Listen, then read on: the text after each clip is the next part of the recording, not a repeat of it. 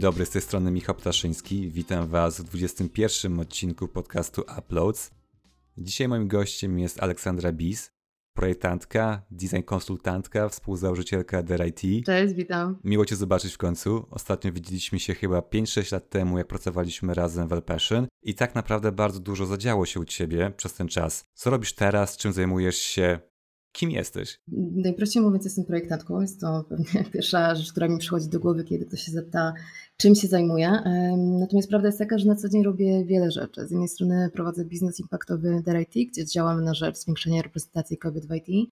Z drugiej strony jestem design konsultantką, digital design consultant. Zajmuję się wspieraniem mm, firm głównie na rynkach skandynawskich i niemieckich, właśnie w tworzeniu produktów cyfrowych. To jest coś, czym zajmuję się już od lat.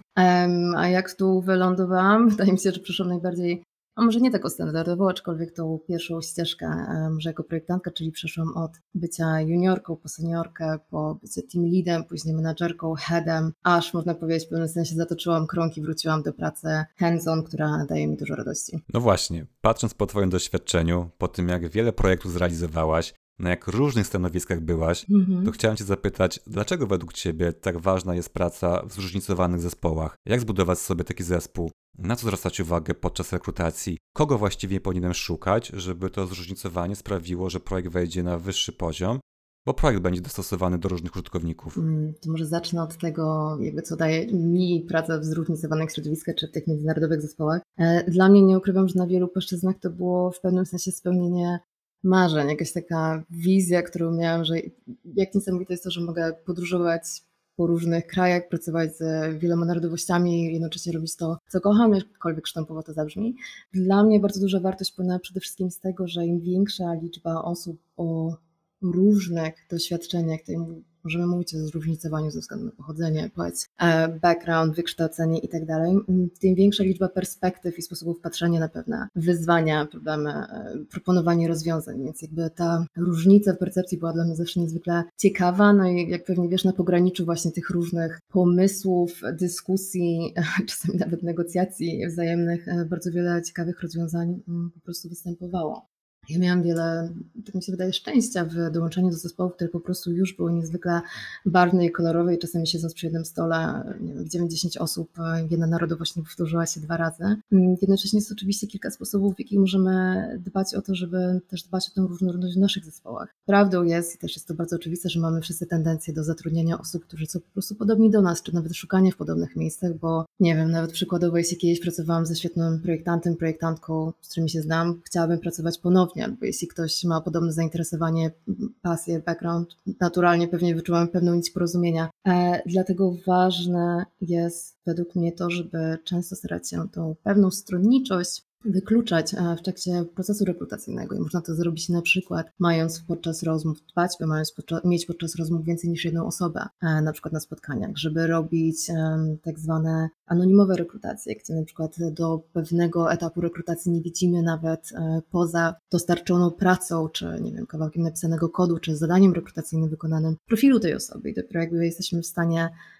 bezpośrednio na podstawie pracy to ocenić, a później kolejnych rozmów, więc jest, jest parę takich e, małych rzeczy, o które warto dbać, poza, nie wiem, feminatywami, czy szukania w mniej oczywistych e, miejscach tych kandydatów, kandydatek, które mogą pomóc. A miałaś możliwość pracy na stanowisku design managera.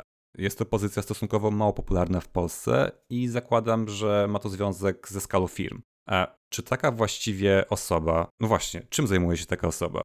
Jaka jest różnica pomiędzy byciem design managerem, headem, zwykłym designerem czy lead designerem? Świetne pytanie. Wydaje mi się, że standardowa odpowiedź projektantki to zależy. E, mogę powiedzieć, jak wyglądał mój kontekst, jak wyglądała moja sytuacja, która zakładam też była dość specyficzna, bo dołączyłam wtedy do zespołu w Berlinie jako lead e, i po trzech miesiącach zaproponowano mi stanowisko menadżerki, a właściwie menadżerki slash interim head of design za, za osobę, która wcześniej prowadziła tę rolę, która zakończyła współpracę z firmą.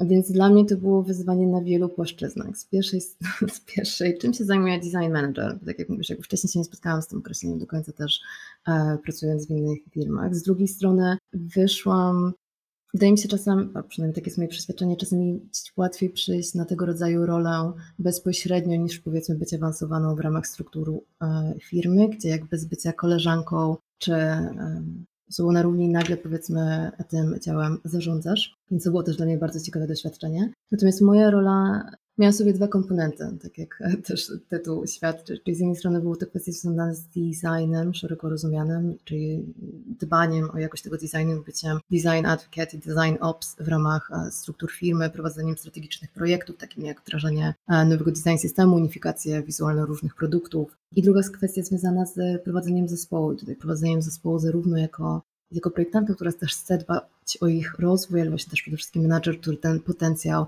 stara się e, wydobyć. I mając na uwadze, że też jesteś w tej e, roli, wiesz jak złożona jest i ile aspektów może mieć i jak ciężkie często może to być nawet w kontekście ustalania ścieżek e, kariery przykładowo, czy wprowadzania różnych innych procesów, które które nie są takie oczywiste. Tak, to prawda, też tego doświadczam na co dzień. Ale Ola, wspomniałaś, że jako design manager łączysz sobie dwie role. Z jednej strony jako designer prowadzisz takie kluczowe inicjatywy, z drugiej strony ta część menedżerska, rozwój zespołu i tak dalej.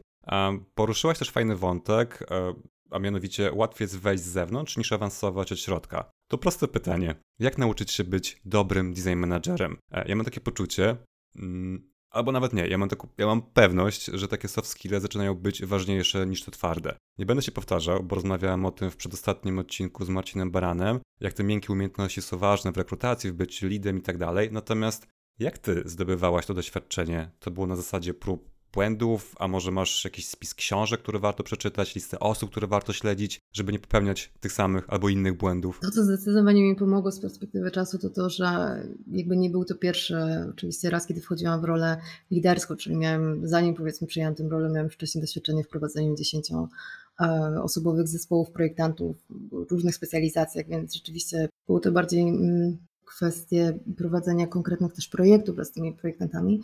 Natomiast rzeczywiście jakby wtedy wchodzenie w tę rolę pomogło. I znowu, jeśli chodzi o to, jak się tego uczyć, no to tak jak wspominałam wcześniej, mamy dwa komponenty, właśnie ten design i management. Teraz, czy uważam, że trzeba być najlepszym projektantem, projektantką na świecie, żeby być design managerem? Pewnie nie, natomiast z mojej perspektywy zdecydowanie trzeba mieć wystarczającą wiedzę, doświadczenie i zrozumienie tematu, żeby też mm, rozumieć problemy i wyzwania, z którymi się zespół mierzy i przede wszystkim też wiedzieć, jak ten zespół rozwijać. Mm, czyli jak ten potencjał wydobywać, jak rozumieć, co tak naprawdę jest dla nich najbardziej interesujące i jak e, tak naprawdę też organizować jak najwięcej sytuacji, w których właśnie ten potencjał czy te ich zainteresowania mogą też w ramach struktury firmy rozwijać. A, z drugiej strony mamy management, więc bardziej szerokie pytanie, jak w ogóle być dobrym menadżerem. No i tutaj pewnie podobnie jak w designie, Niestety, niestety praktyka. E, oczywiście miałam dużo szczęścia e, bycia otoczoną mentorami, osobami, z którymi mogłam porozmawiać na podobnych stanowiskach, których też szukałam, z którymi miałam regularne spotkania raz w tygodniu, nazwijmy to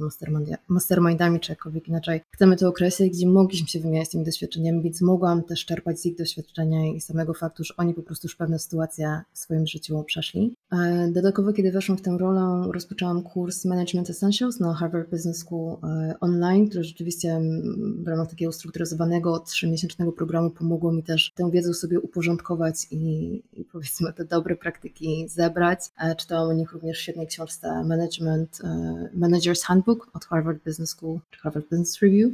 Dobrze nie pamiętam, ale możemy podlinkować w swoim podcaście. Natomiast e, Oczywiście teoria teorią, ale prawda jest taka, że najwięcej po prostu nauczył mnie zespół, moje własne potknięcia, większe i większe, większe i mniejsze i po prostu to doświadczenie nazbierane w trakcie właśnie prowadzenia. No dobra, a w takim razie powiesz mi o swoim takim największym potknięciu? Tak. Dopowiem tylko, że ja strasznie lubię mówić mhm. e, o błędach, które popełniłem, bo jak słucham o błędach innych, to sam najwięcej się uczę. I wydaje mi się, że to, co kształtuje dobrego projektanta, to w momencie popełnienia błędu, takie wiesz, szybkie wyciąganie wniosków na, na ten temat. Myślę, że jest to bardzo ważne, żeby o tym rozmawiać.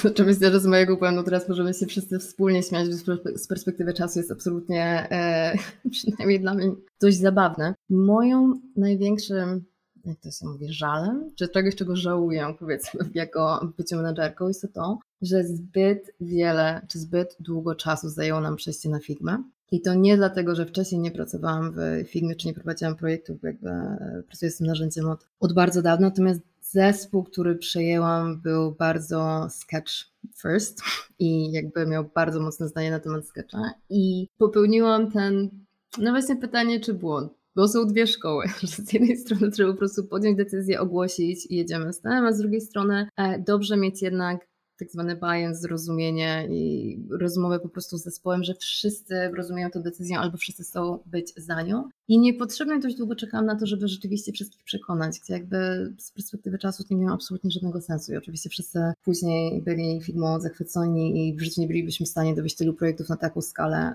e, z tyloma osobami bez tego narzędzia. Natomiast zawsze jak sobie myślę o błędach, to właśnie z perspektywy czasu trzeba było od razu przyjść, um, zrobić proste, szybkie cięcie i po prostu od razu przejść, zrobić migrację na Figma. Byłem w tym samym miejscu, więc wiem o co chodzi.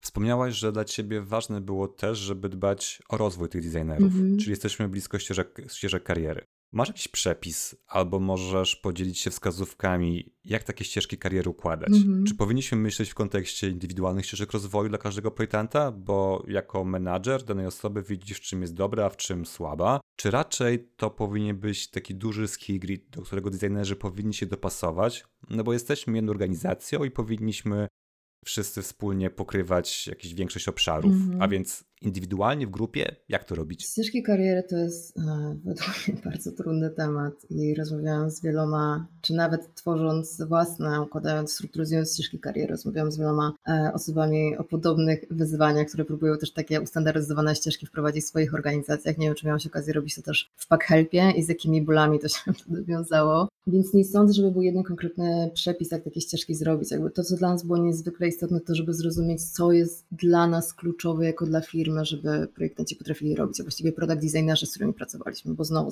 ze względu na specyfikę produktu pewnie też można mieć wiele ról i podziałów. Dla nas niezwykle istotne to, żeby ci projektanci byli e, wszechstronni, mieli zarówno bardzo mocne skille UX-owe, jak i UI-owe, do tego czuli się w pełni komfortowo pracując w oparciu o e, dane i z danymi, też w interdyscyplinarnych zespołach, czyli zawsze w triadzie z e, product managerem, tech leadem, czy powiedzmy osobami odpowiedzialnymi za technologię i, i właśnie oni po stronie designu i żeby sami też wykazywali bardzo wiele inicjatyw, inicjatywy, czyli istotne było dla nas to, żeby nie byli jedynie osobami, które wykonują pewne zlecenia, tylko sami proponują inicjatywy, rozwiązania, hipotezy do zbadania, do sprawdzenia i pewne eksperymenty, którymi moglibyśmy te, te rzeczy zwalidować. Więc wszystko to chcieliśmy odzwierciedlić, powiedzmy w tych, w tych ścieżkach kariery, na powiedzmy różnej matrycy tych umiejętności. Natomiast też dla mnie z perspektywy liderki było istotne to, żeby też zrozumieć, zrozumieć, co sprawia największą, naturalnie największą radość, czy jest naturalnie najbardziej interesujące dla osób, z którymi pracuję,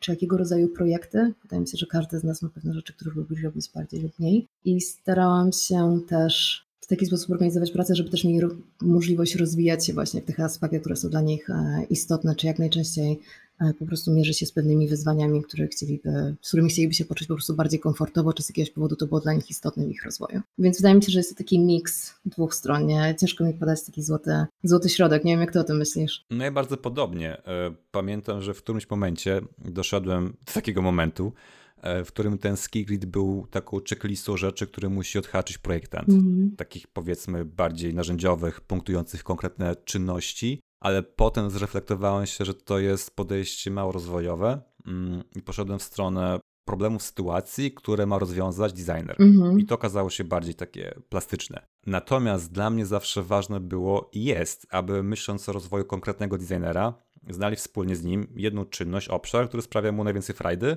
i przy którym może się rozwijać. Jasne. Ja bardzo wierzę, że jeżeli robimy coś trochę pod siebie, to wkładamy w to więcej serca i łatwiej nam pewnych rzeczy się nauczyć. Nie chciałbym rzucać kogoś w miejsce, które jest mu obce albo w którym czuje się mega niekomfortowo. Mhm. Natomiast jeżeli 3 czwarte umiejętności ze Skiglida jest pokrytych, to moją rolą jest wyciągnięcie razem z projektantem tych obszarów, E, które są słabsze, a na których też zależy mi i firmie, aby być w nich po prostu lepszym, bo to wiąże się na przykład z podniesieniem jakości projektów. E, więc podchodzę do tego indywidualnie, ale też jest jakiś taki, wiesz, baseline minimum, które designer powinien wiedzieć. W kontekście danej firmy czy organizacji. Mhm. Dokładnie, dokładnie tak. No właśnie, Ola, byłaś design managerem, nastąpił zwrot, podjęłaś decyzję, że chcesz robić coś innego, a chcesz znowu brudzić sobie ręce. Dlaczego? Wiesz co, tęsknota. Chyba najprościej można tak e, powiedzieć i nie ukrywam, że było to dla mnie bardzo ciekawe doświadczenie po prostu, na jakimś etapie może też trudne, jakby, nie wiem, może ze względu na własną ignorancję, ale miałam jakieś takie wyobrażenie tej ścieżki rozwoju designerki, czy powiedzmy tej, tego dalszego awansu, że ok, jesteś projektantką, seniorką, leadem, nie wiem, menadżerką, headem i tak dalej, że to jest ta, ta ścieżka i, i tak powiedzmy w to poszłam, po czym nagle się okazało, że rzeczywiście jest wiele aspektów, które mi się bardzo podoba w prowadzeniu wysokopoziomowego zespołu na takim na takim stanowisku jednocześnie jest też cała masa rzeczy, o których nie pomyślałam. Nie wiem, czy ty też tak miałeś, ale nie zdawałam sobie sprawy z tego, ile administracji jest, powiedzmy, w byciu, byciu menadżerką, czy ile o ilu drobnych rzeczach trzeba myśleć, e, na których normalnie się nie skupiasz. I tak naprawdę to, co paradoksalnie było dla mnie takim momentem czy punktem zwrotnym było to, że może też tam warto powiedzieć, że miałam okazję pracować w travel techu w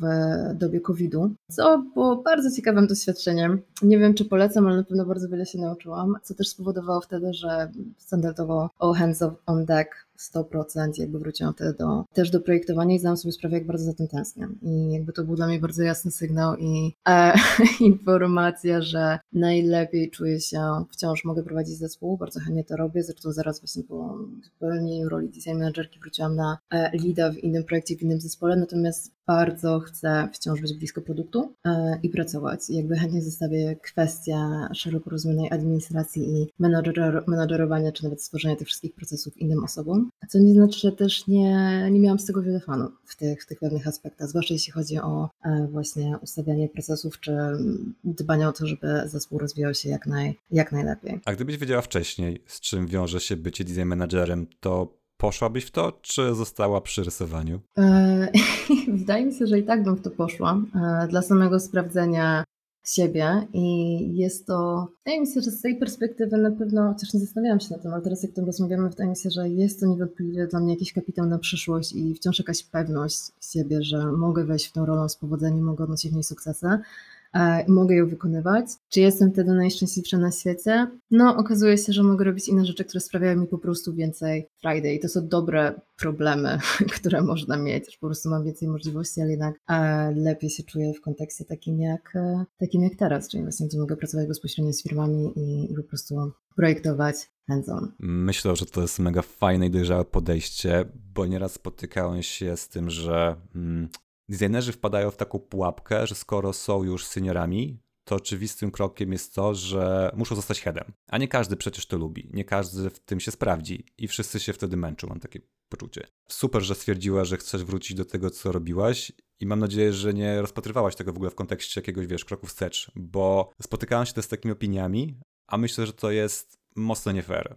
To jest po prostu inna ścieżka rozwoju, która jest równie ważna, ale na koniec dnia to nam wszystko powinno sprawiać frajdy, tak? Znaczy właśnie dlatego chciałam nawiązać i, cieszę się właśnie też, że zadałeś to pytanie, bo tak jak ty mówisz, że wiele osób rozpatruje, czy może też z tego powodu nie zawraca z pewnej ścieżki, nawet jeśli doprowadza ich do szału, e, bo rozpatruje to właśnie jako ten krok wstecz, z jakiegoś powodu, nie wiem, takie już niższe stanowisko, degradacji czy cokolwiek. Dla mnie to było bardziej okazja do sprawdzenia, może zrewidowania jakichś założeń, wyobrażeń, trochę jak ze studiami doktoranckimi, e, czy, czy to jest dla mnie, czy mi się podoba, czy rzeczywiście, czy mogę to robić i tak jak mówię, mój efekt był taki, że tak, mogę to robić. Jest wiele elementów, które mi się bardzo podobały, zwłaszcza w kontekście tego, że to, na czym niezwykle mi zależało, to żeby design był jednak elementem czy działem w firmie, które rzeczywiście może faktycznie wpływać na kształtowanie się strategii firmy czy produktu, żebyśmy nie byli jedynie, tak jak wspomniałam wcześniej, e, osobami, działami, które wykonują pewne polecenia, tylko po prostu dyrygują wiele z tych inicjatyw i byli równymi partnerami do rozmów z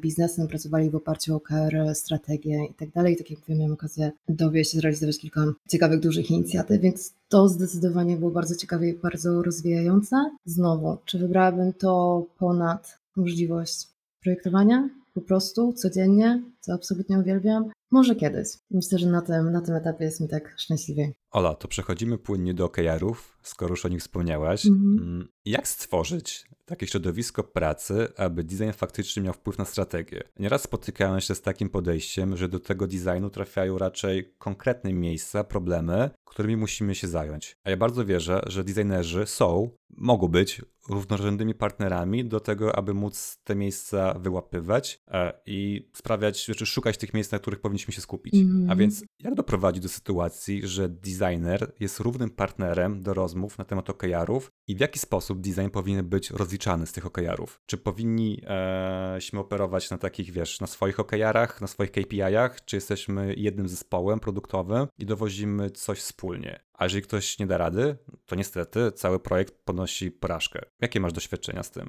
Żeby tak było, to tymi partnerami muszą się przede wszystkim stać. To, co dla mnie było niezwykle istotne, to żeby kształtować e, naszych e, projektantów, projektantów, projektantki, dbać o to, żeby mieli e, przekrojową wiedzę biznesową, żeby mieli dobre zrozumienie propozycji wartości produktu, żeby znali naszych klientów, klientki, czego oni oczekują, żeby dobrze rozumieli model biznesowy produktu, w którym funkcjonujemy i dlaczego właśnie e, w takim i wielu innych rzeczy. Wydaje mi się, że dopiero w momencie, w którym e, projektanci przestaną myśleć o tym, że dowożą interfejsy per se, a myślą o tym, że dowożą cały produkt czy usługi ze wszystkimi elementami składowymi, które, które po prostu w to wchodzą czy się zaliczają, mm, wydaje mi się, że dopiero wtedy mogą być tymi sprzymierzeńcami, najprościej mówiąc, biznes ownerów czy stakeholderów i dopiero wtedy będą mogli prawdziwie kształtować ten produkt czy proponować inicjatywy. A czy jest coś, co może zrobić organizacja, aby stworzyć warunki dla projektantów, aby ci mogli być bliżej liczb, bliżej biznesu? Wydaje mi się, że to jest pewna, pewien sposób też tworzenia zespołów, w których się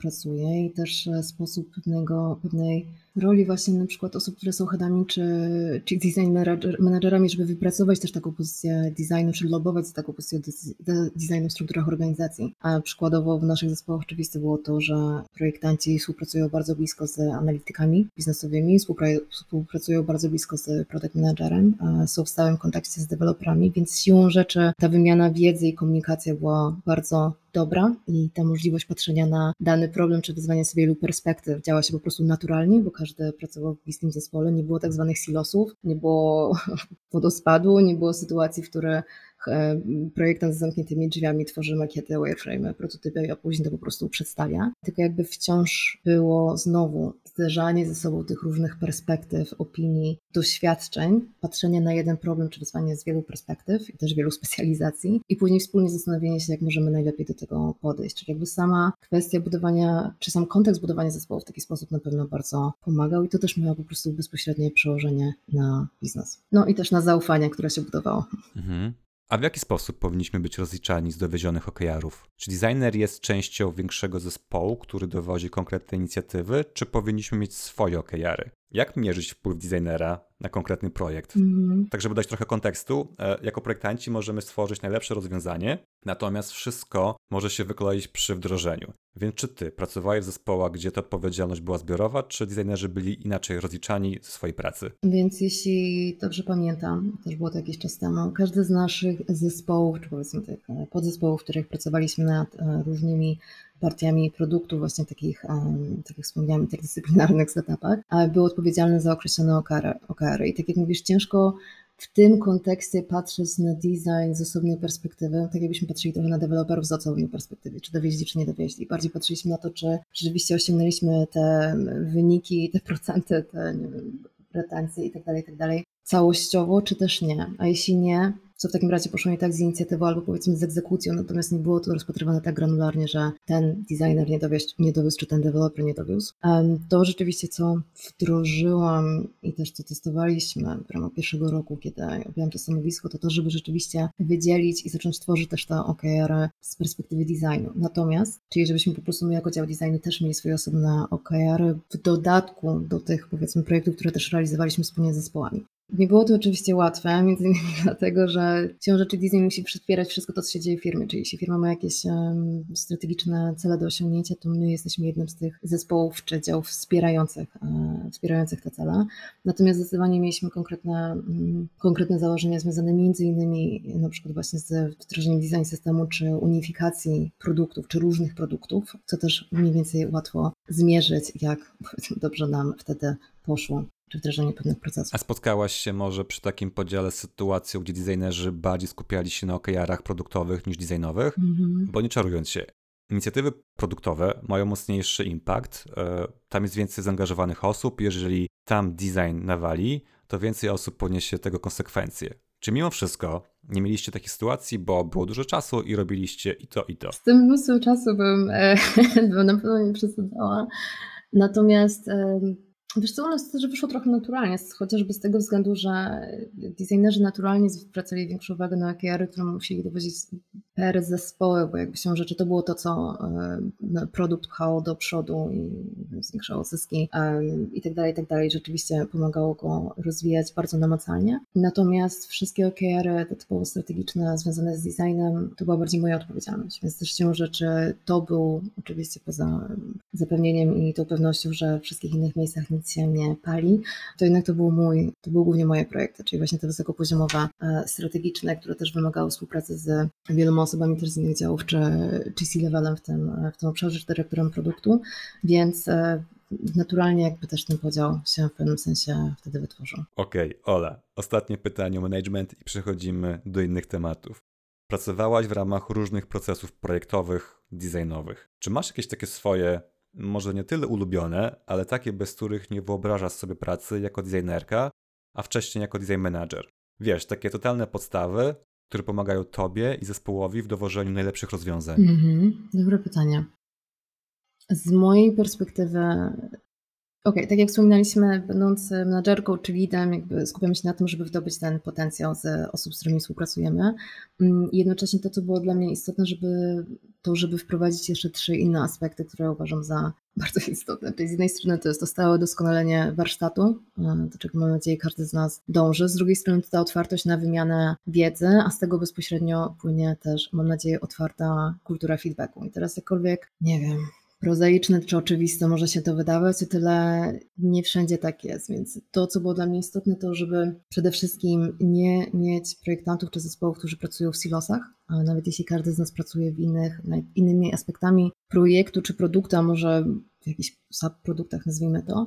I tak istotne było dla mnie to, żeby każdy wiedział, czym ktoś się zajmuje, żeby mogli nawzajem czerpać, powiedzmy, od siebie wiedzę, feedback i tak dalej, żeby po prostu ta wymiana wiedzy była stała. Więc to, co było dla mnie niezwykle istotne, to żeby też prowadzić jakieś systemy, które, które mogłyby to zapewnić, bo jeśli po prostu powiemy, dobra, będziemy pytać siebie nawzajem od feedback, świetnie, to może przez jakiś czas będzie się to działo, ale później po prostu może pod natłokiem innych zadań umrzeć. Więc to było dla mnie istotne też, żeby wprowadzić Design Critics, czyli te nasze standardowe sesje, gdzie mogliśmy omawiać różnego rodzaju e, projekty i rozwiązania, każdy miał czas na prezentację tego, nad czym akurat pracuję i poprosić o feedback, bardzo konkretny feedback i czy mogliśmy po prostu wspólnie rozwiązać pewne, pewne problemy. Ale to były spotkania, w których uczestniczyli tylko designerzy, czy to były otwarte spotkania dla całego zespołu produktowego? E, różnie. Czasami w zależności od e, konkretnego powiedzmy wyzwania, z którym się mierzyliśmy, czy e, nie wiem, właśnie skali też tego projektu, bo były takie projekty, które mm, powiedzmy siłą rzeczy zahaczały o bardzo wiele innych e, działów i wtedy dbaliśmy o to, żeby jak najwięcej osób uczestniczyło rzeczywiście w tych spotkaniach. Były po prostu takie, które były stricte, nie wiem, powiedzmy wizualne, czy bardziej związane z mm, naszymi wewnętrznymi procesami jako zespół. Wtedy po prostu staraliśmy się dostosować też liczbę tych osób, też mając mając na uwadze, że jeśli mamy cztery osoby na spotkaniu godzinnym, to spotkanie nie trwa godzinę, tylko cztery godziny. Więc e, to zależało. To, co było dla mnie bardzo istotne, to żeby one się po prostu rzeczywiście odbywały, żeby mieć sesję wymiany wiedzy, czyli jeśli ktoś skończył pracę nad konkretnym produktem, miał dane wyniki, jeśli mieliśmy jakieś e, user testy, e, w których akurat nie uczestniczyli projektanci, to żebyśmy mieli jasne zrozumienie, co było efektem, czy powiedzmy, czego ktoś się nauczył, czy może się podzielić z zespołem, co może też zwiększyć jakoś jego, nie wiem, zrozumienie czy produktu, czy po prostu czegoś go nauczyć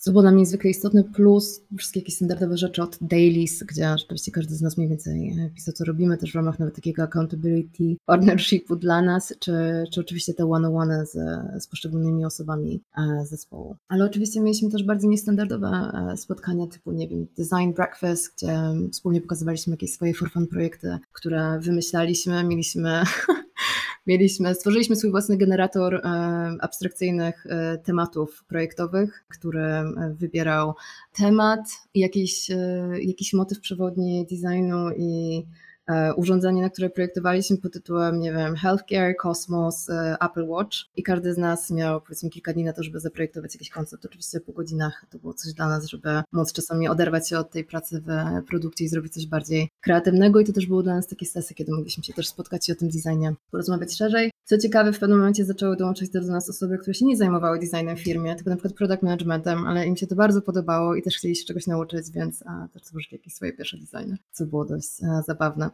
Ekstra, mega, mega inicjatywa. No dobrze, Powiedziałaś o tych procesach z pozycji menadżera, a czy są dla ciebie jako dla projektantki jakieś takie procesy, które są wybitnie ważne? E, nie wiem, proces projektowy i na przykład lubisz mieć zawsze dobrze zdefiniowane fazy, mm -hmm. proces design approwali, procesy handoffowe. Jednym słowem, czy jest coś, z czym pracujesz na co dzień, czy raczej nie? Myślę, że znowu jest to bardzo uzależnione od e, zadania, od zespołu, od kontekstu, od timeline'u i tak dalej, i tak dalej. Ja jestem zdecydowaną fanką znajomości procesu projektowego albo dążenia do tego, żeby mieć pewne stałe elementy nawet dla samej siebie tego procesu, co nie znaczy, że traktuję to jako, e, nie wiem jak to powiedzieć.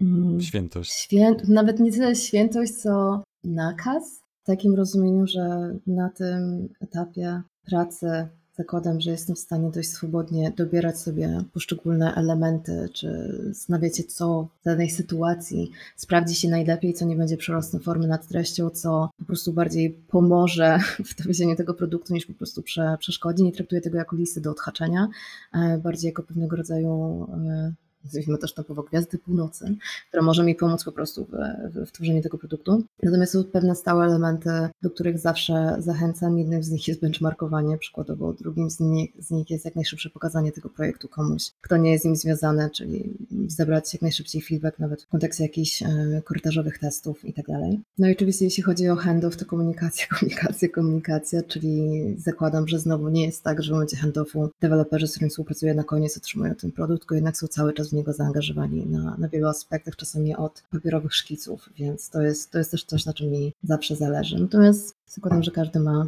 w pewnym sensie jakoś swój proces. Nie wiem, jak to u Ciebie wygląda. Czy masz jakiś konkretny, czy to zależy? Wiesz co, to zależy. Ja na pewno jestem fanem procesów związanych z handoffem, ale znowu, mm, tak jak trochę wspomniałaś, według mnie 60% procesów to są indywidualne rozmowy e, i dużo proaktywności. Mhm. Jeżeli ja robię handoff, to oczywiście mam pod to rozpisany proces, natomiast mam poczucie, że najlepiej dopracowane i wdrożone projekty wychodziły wtedy, kiedy ja z tym deweloperem bardzo ściśle pracowałem, mm, czy to na Slacku, czy na kolach. Mhm. E, ta wiedza krążyła między nami. Więc to taka moja refleksja na ten temat. Natomiast jakiś czas temu e, zacząłem się zastanawiać, jak też możemy ewaluować rzeczy związane z takim visual designem. No bo UX UX-em, paterny patternami, ale jak poprosiłem zespół, żeby ze zbioru różnych dashboardów wybrali dosłownie brzydkie i ładne, to nie mieli z tym żadnego problemu. Mhm. No i zaczęliśmy się zastanawiać, co czyni interfejs ładnym. No i po takiej dyskusji byliśmy w stanie przygotować checklistę, która nie tyle mm, może jest konieczna dla designerów, chociaż też może być oczywiście, e, ale jest takim fajnym drogowskazem dla PM-ów i innych stakeholderów, którzy ten projekt oceniają. No ale okej, okay. Ola, słyszałam, że piszesz doktorat. tak, w bólach e, i trudach, natomiast e, póki co jeszcze piszę. No to o czym go piszesz i dlaczego o tym? o czym piszę i dlaczego o tym? Piszę go o stresie cyfrowym. Jest też koncept znany pod nazwą technostres, aczkolwiek spotkałam się z wieloma opiniami, że brzmi to bardziej jak stres wywołany zbyt długim przebywaniem w Berlinie niż rzeczywiście stresem technologicznym, więc posługuję się teraz nazwą stresu technologicznego. I dlaczego o tym? Znowu, wynika to z jakiejś e, pasji, z pasji i zainteresowania. Się rzeczy pracuję na co dzień z technologią, projektuję dla ludzi, więc e, niezwykle ciekawy był dla mnie koncept, który opisuje właściwie taką współczesną chorobę adaptacyjną, na którą możemy e, cierpieć, spowodowaną właśnie niemożnością radzenia sobie z tymi nowymi technologiami komputerowymi, czyli wszystko to, co sprawia, że technologia zamiast nam pomagać, w pewnym momencie zaczyna, zaczyna powodować e, przykładowo spadek wydajności pracy, albo zmniejszenie satysfakcji z pracy, albo mm, zaburzenie poczucia równowagi między pracą, czy powiedzmy właśnie tym światem cyfrowym, a, a naszym życiem osobistym, a, a w efekcie wypaleniem. Więc wydaje mi się, że jest to na tyle ciekawy aktualny, przede wszystkim po czasach COVID-u, a właściwie w czasach pandemii. To był też moment, kiedy zdecydowałam się zmienić temat właśnie na ten, że zdecydowałam się nim zająć. I, badania, które w tym momencie prowadzę, związane są z stworzeniem polskiej adaptacji skali, która ten technostres pomoże nam mierzyć, bo są różne, czy właściwie stres technologiczny, są różne aspekty, które mogą na niego wpływać. Z jednej strony mamy ten techno overload, czyli po prostu jesteśmy przeciążeni, um, mamy przeciążenie technologiczno-informacyjne, mamy techno-complexity, czyli mamy niedostateczne przykładowo umiejętności cyfrowe. Tutaj pewnie pozdrawiam moich rodziców, których czasami technologia wciąż stresuje. Mamy techno-insecurity, które sprawia, że e, niektóre osoby stresują się tym, że ze względu na ten postępujący rozwój technologii e, są zagrożone utratą pracy, tutaj hashtag automatyzacja i tak dalej, i tak dalej. Więc e, to w powodowaniu z ciągłymi zmianami, aktualizacją sprzętu, oprogramowanie technologii może, może wiązać się z tym, że dla nas jest to codzienne narzędzie pracy i to środowisko naturalne, a dla wielu innych osób może się e, wiązać po prostu z bardzo dużym stresem. I tutaj świetnym przykładem było na przykład to, jak szybko nastąpiła digitalizacja polskiego szkolnictwa w czasie pandemii, na co wielu nauczycieli po prostu nie było przygotowanych, tym bardziej wiele szkół. I stąd ten temat wydał mi się bardzo ciekawy. W ogóle jakiś czas temu wpadła mi na LinkedInie mm, reklama Swatcha, szwajcarskiego producenta zegarków. No i na tej reklamie widzimy porównanie klasycznego zegarka z Apple Watchem, mhm. E, który jest opisany jako urządzenie powodujące w tobie stres, e, bo jest to kolejne miejsce, w którym dostajesz notyfikacje, powiadomienia. No a w kontrze do tego oczywiście pokazany jest Swatch, który ma jedno zadanie, przedstawić ci aktualną godzinę. I ta kampania mega dobrze mi siadła i sprzedaż mocno poszybowała w górę. Mhm. Więc Ola, jak ty podchodzisz do tych wszystkich aplikacji, które mają nas wyluzować, odprężyć, odciążyć głowę, ale również sprawiają, że muszę sięgnąć po ten nieszczęsny telefon i zamiast się odciąć od świata zewnętrznego, znowu do niego wchodzę. Na pewno nie chciałabym, pomimo tego, że zajmuję się takim tematem, jakby w żaden sposób nie chciałabym demonizować technologii, czy po prostu tych narzędzi, które, które dostaliśmy, które wciąż otrzymujemy.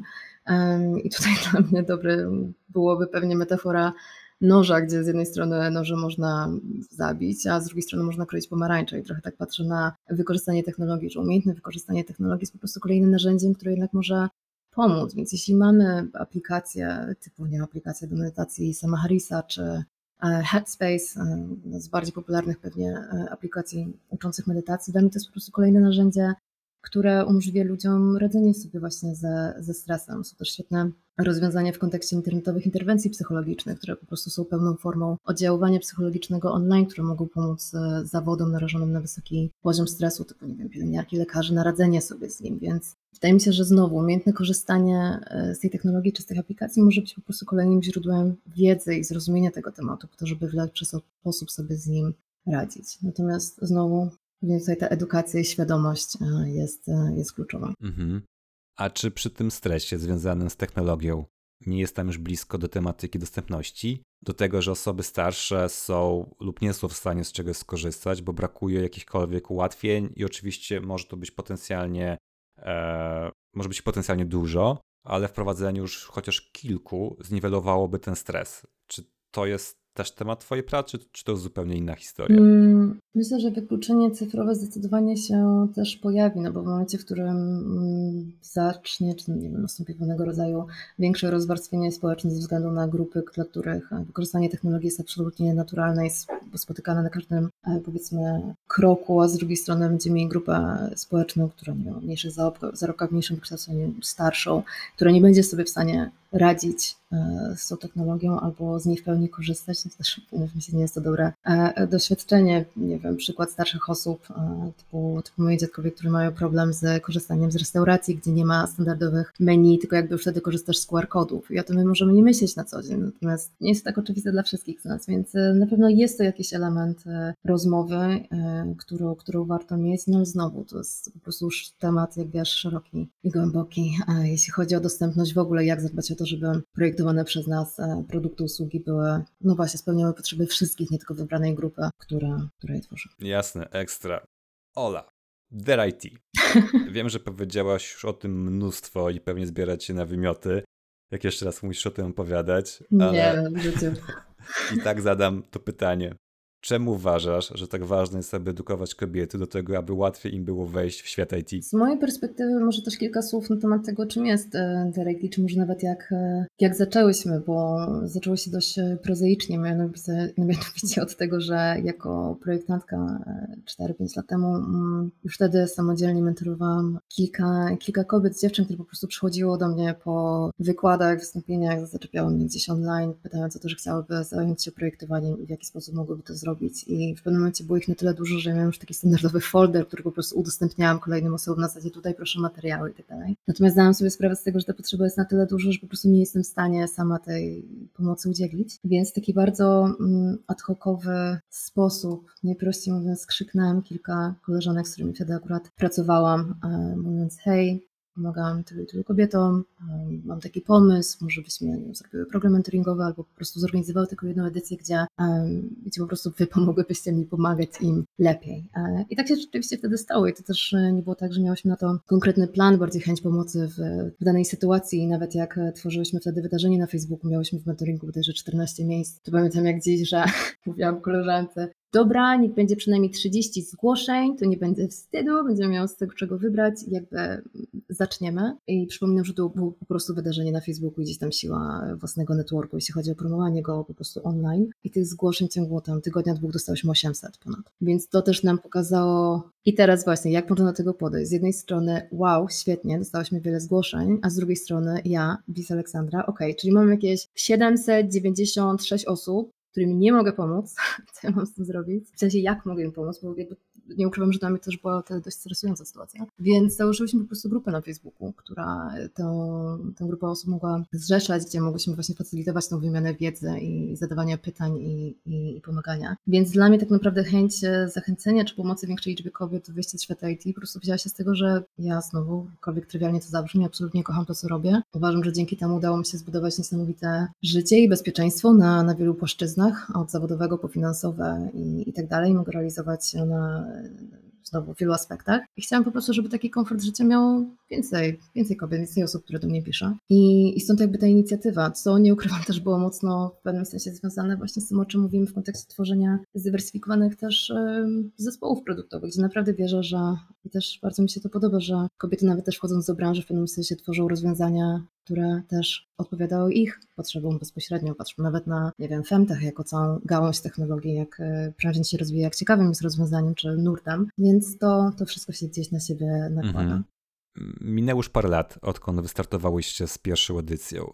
Czy obserwujesz jakąś zmianę w tym, kto do was dołącza, jakie ma powody, aby tego się uczyć? Mhm. Wspomniałaś, że sama dzięki temu mogłaś zagwarantować sobie bezpieczeństwo finansowe. I prawda jest taka, że ta branża poprzez swoje zarobki kusi. Czy zauważyłaś, że zgłasza się do ciebie więcej kobiet głównie e, z powodów finansowych i podczas rozmów okazuje się po prostu, że tego nie czują? Czy tak się nie dzieje? Powiem tak. E, program mentoringowy jest niewątpliwie działaniem, z którego jesteśmy najbardziej znani, natomiast jedna jest to jedna z jednych, powiedzmy z kilku rzeczy, które robimy. Z jednej strony prowadzimy program mentoringowy raz do roku, który jest naszym działaniem CSR-owym, typowo DRIT, z którego nie czerpiemy żadnych korzyści finansowych. Z drugiej strony prowadzimy otwarte kursy, tak zwane DRIT Challenges, które są tworzone w oparciu o tak zwany experience-based training, który pomaga powiedzmy zdobyć tą e, wiedzę. To są kursy otwarte, kursy otwarte zarówno dla kobiet, jak i dla mężczyzn, plus cała seria otwartych działań edukacyjnych, takie jak webinaria i tak dalej, więc osób, które do nas przychodzą chcąc wejść do branży IT jest bardzo wiele ich motywacje są niezwykle różne. I tak jak mówisz,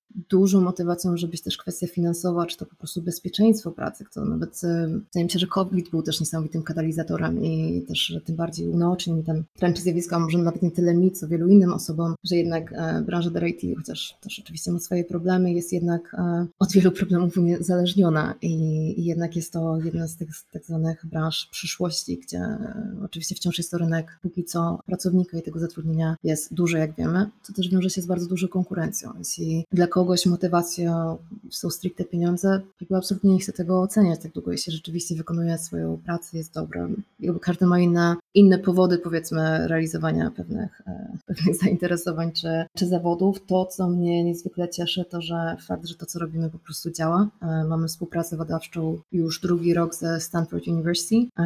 Jesteśmy po naszym pierwszym projekcie badawczym, który jasno pokazał, że nasz program mentoringowy zwiększa szanse na zdobycie pracy w IT o 49%, a nasze kursy o 46%. 6%. Więc jest to niesamowicie dobry wynik, z którego jestem bardzo dumna i przede wszystkim to, że możemy uprawiać naukę na tak wysokim poziomie i z takim zespołem. Myślę, że to jest te, też coś, czego bym się nigdy nie spodziewała i czego bym pewnie nie wymyśliła, jednak się stało. Super, ogromnie Ci gratuluję. Um, no dobrze, Ola, zbliżając się powoli do końca, to powiedz mi, kto cię inspiruje do pracy? Masz jakichś ulubionych projektantów, pisarzy, reżyserów, ludzi, którzy sprawiają, że jak ich posłuchasz, to czujesz się naładowana? E, to jest może dość zabawne, ale na pewno mój narzeczony, e, Kamil Tato, który jest CEO we Flying Bison, chociażby z tego względu, że nie znam, nie znam drugiej osoby, która tak dobrze łączy kompetencje biznesowe i designu i to było zawsze dla mnie niezwykle imponujące. Plus e, nie znam nikogo, kto szybciej pracuje w Figmie i zna więcej skrótów klawiszowych, a myślę, że jest to bardzo pomocne. Mm, natomiast jeśli chodzi o szerszą perspektywę, to zdecydowanie wszystko to, co robi Naval Ravikant, E, uważam, że nie znam drugiej osoby, która w tak niewielu słowach potrafi przekazać tyle e, treści. Jest e, inwestorem, technokratą. Myślę, że jednym z ciekawszych myślicieli XXI wieku. Sam Harris, świętej pamięci profesor Clayton Christensen, który, który też stworzył koncepcję Jobs to be done. Ja miałam szczęście brać udział w jego kursie, też właśnie Harvard Business School i jest zdecydowanie inspirującą osobą na każdym aspekcie swojego życia. Wydał też świetną książkę How Will You Measure Your Life, która też jakby też jest bardzo mm, wszechstronnym podejściem do swojego życia i patrzenia na niego nie tylko ze względu na właśnie kwestie zawodowe, ale po prostu wszelkie. I myślę, że Ray Dalio i jego książka Principles. Jest tego dość sporo, ale... Wszystko na pewno podlinkuję w opisie odcinka. Tak, wszystkie te bardzo chętnie też podeślę materiały, bo są to osoby, które naprawdę bardzo mnie, myślę, że zainspirowały, to na pewno też ukształtowały w wielu aspektach i, i wciąż, wciąż mnie inspirują. Super. Ola, ostatnie pytanie. Jesteś w stanie wymienić takie najważniejsze punkty zwrotne w Twojej karierze? I to jest pierwsza część pytania, a druga brzmi, co byś jeszcze chciała osiągnąć? Punkty zwrotne w karierze. Wyjazd do Oslo, to był pierwszy moment, kiedy przejęłam zespół, czyli to był pierwszy raz, kiedy weszłam w rolę liderki, to od razu na głęboką wodę, głębszą niż mogłam sobie kiedyś wyobrazić. Od razu przejęłam 10 osób e, z interdyscyplinarnym zespołem, z niezwykle trudnym projektem, z tak zwanym agresywnym deadline'em i nie utonęłam, więc na pewno to doświadczenie było dla mnie źródłem niezwykłej pewności siebie na przyszłość, że pewnie ciężej nie będzie. A z drugiej strony trafiłam do AirHelpu, gdzie kiedy już myślałam, że trudniej być nie może, trafiłam na czasy pandemii w Travel Techu, więc moment, w którym pełni się te obowiązki, próbując dowieść produkt, jednocześnie w tak niepewnych sytuacjach, jednocześnie utrzymując motywację zespołu i powiedzmy pewną, e, nie wiem, dbać o to, żeby nikt może nie oszalał w tamtym też czasie było dużym wyzwaniem. A trzeci to kiedy, kiedy uświadomiłam sobie, że mogę robić to, co robiłam, czyli mogę być headem, mogę prowadzić zespoły, mogę menadżerować, ale chyba nie jest to, w czym jestem najszczęśliwszy, przynajmniej na tym etapie życia. I kiedy wróciłam właśnie do pełnienia funkcji w roli teraz właśnie konsultantki i, i współpracy po prostu bardziej jako wolny strzelec, nazwijmy to, z zagranicznymi firmami. To były dla mnie takie trzy duże, trzy duże momenty. Okej, okay. a co przed tobą? Bardzo trudne pytanie, mam nadzieję, że samo dobro. um, Chciałabym na pewno kontynuować proces rating, pomóc e, większej liczbie osób, po prostu, e, jakkolwiek zresztą powodu zabrzmi, spełnić ich marzenia i rzeczywiście mieć tą ich wymarzoną karierę. To jest rzeczywiście źródłem niezwykłej satysfakcji. A jeśli chodzi o mnie, chciałabym mieć trochę więcej równowagi. Myślę, że jestem osobą, która ma tendencję do tego, żeby trochę taki miecz obusieczny, że z jednej strony to, co mnie napędza i pozwala mi wiele osiągać, czyli ta ciągła energia i chęć, powiedzmy, ciągłego podnoszenia poprzeczki jest czymś, co, co pozwoliło mi e, być tu, gdzie jestem, a z drugiej strony jest czymś, co mnie czasami potrafi po prostu spalić. Nie wiem, czy też masz takie czasami zwroty, przepracowywanie i tak dalej, natomiast chciałabym z tego wyrosnąć, więc mam nadzieję, że złapie trochę więcej równowagi w przyszłości. Wiesz co, ja uważam, że to jest mega mądre podejście. E, oczywiście nie chodzi o to, żeby odbijać kartę w punkt, ale takie momenty oddechu sprawiają, że jesteś w stanie sobie przemyśleć, poukładać w głowie dużo rzeczy, zrobić coś nowa. E, I myślę, że to jest strasznie ważne w naszej branży, bo ono jest bardzo stresujące, tak? Nie rozwijając się, cofasz się i bardzo szybko może z tego wypaść. I... Złapać perspektywę. No dokładnie. I to jest coś, o czym rozmawiałem z Marcinem Baranem e, znowu, nie mamy po 20 lat, nie jesteśmy w stanie pracować po 16 godzin. Mm, kiedyś pamiętam, wracałem z pracy, szybko drzemka, obiad, freelance. No way teraz. Uważam, że można robić dużo fajnych innych rzeczy, e, rzeczy, które również nas rozwijają. Poza tym jakość mojej pracy wzrosła, bo skupiam się na tym, co mam naprawdę do zrobienia, niż na rozmywaniu się na kilka, e, wiesz, projektów w ciągu jednego dnia. To prawda, wydaje mi się, że po prostu czasem ciężej to wprowadzić w życie, jeśli tak lubisz to, co robisz. Czasami ciężko po prostu postawić nawet tę granicę samemu sobie, żeby okej, okay, dobra, teraz zamykam laptopa i idę na koncert a, i, i tyle. To jest póki co mój sposób. Tak, dokładnie. Ola, strasznie Ci dziękuję za tę rozmowę. Zainspirowała mnie do kilku rzeczy. Mm, czekam na listę źródeł, na pewno ją przejrzę. I co? Dziękuję Ci jeszcze raz i powodzenia. Dzięki wielkie. I klasycznie dzięki Wam za wysłuchanie i do usłyszenia w kolejnym odcinku. Trzymajcie się, pa!